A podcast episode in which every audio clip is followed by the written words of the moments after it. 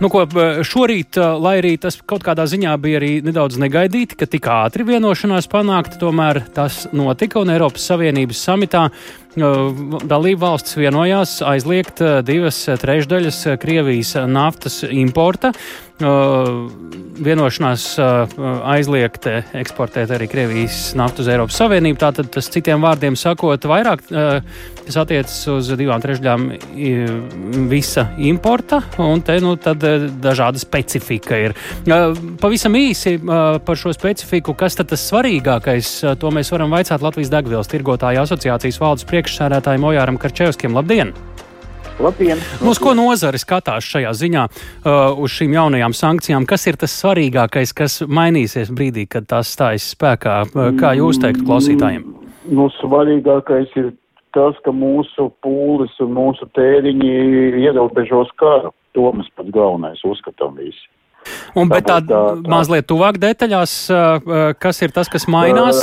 Es saprotu, šeit ir gan jūras, gan sauszemes stāsti, gan konkrētu valstu stāsti.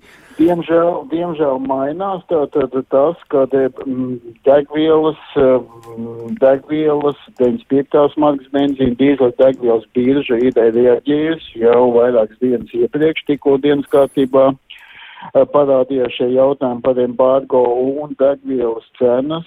Biržā sāka kāpīt ķerišķi 95. markas benzīnam. Un viņš sasniedza vēl nebijušu lielumu, pārsniedz 1500 dolāru tonnā.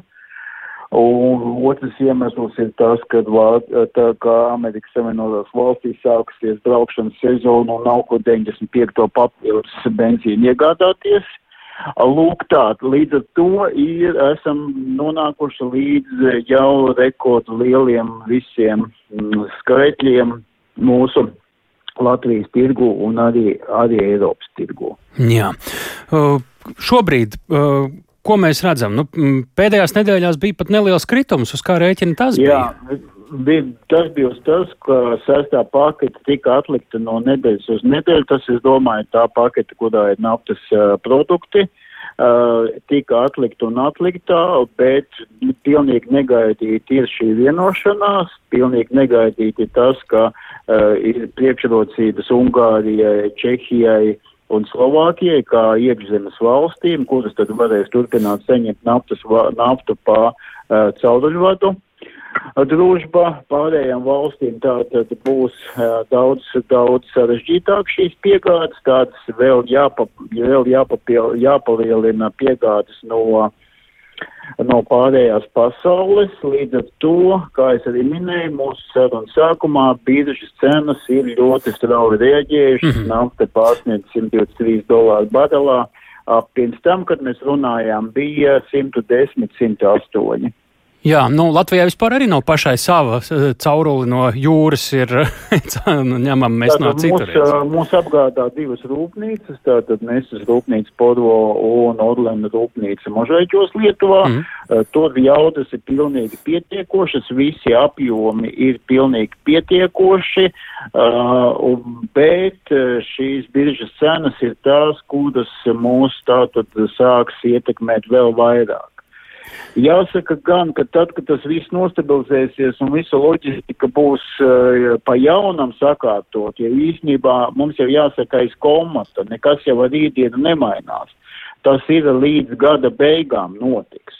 Tā kā faktiski mana pieredze rāda tā, ka tuvākajās nedēļās cenas uh, stabilizēsies vai pat atkāpsies.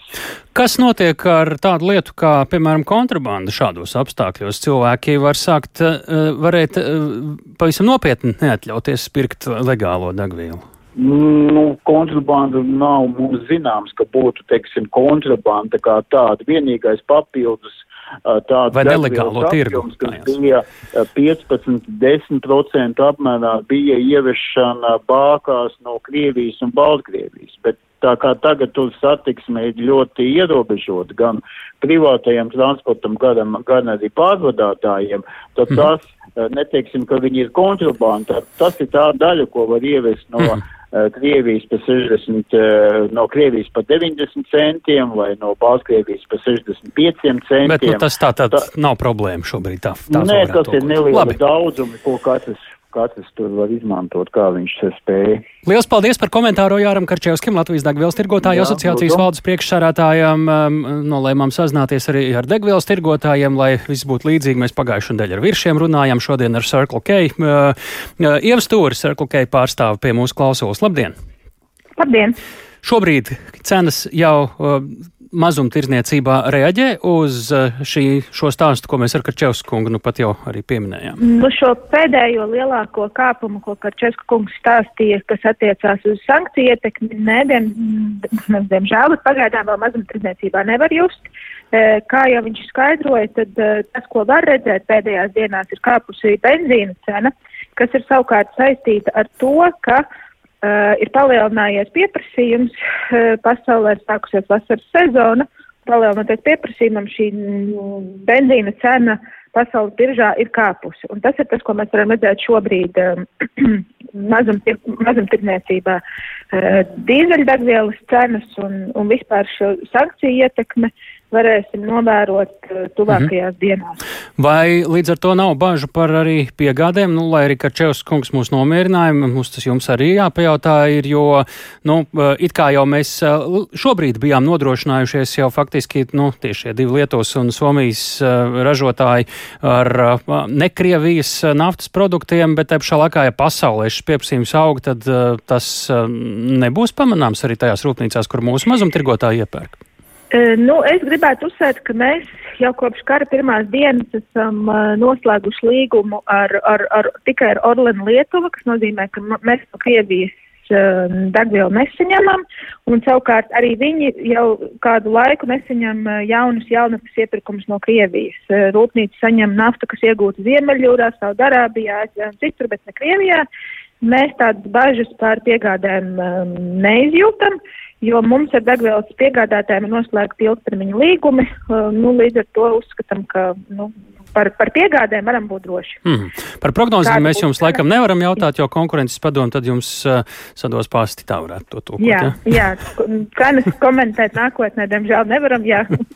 Labi, paldies par sarunu, Ievai Stūrēji, Circle K pārstāvēja programmā pēcpusdiena. Šobrīd pulkstenis rāda 16 un 15 minūtes. Tas, ko no nozars uh, tikko dzirdējām, tad, uh, nu, uh, degvielas cenu kāpums šobrīd pasaules tirgos ir jau tagad redzams. Arī Latvijā benzīns jau vietām ir virs diviem eiro, un dīzeļdegviela gan ir lētāka. Skaidrojumu tikko dzirdējām, pasaulē ir tā teikt degvielas sezonas tēriņi sākušies, bet, nu jā, mazumā gan laikam degvielas cenas šobrīd negrasās iet. Šobrīd uh, programmā pēcpusdienu šim tematam liekam punktu.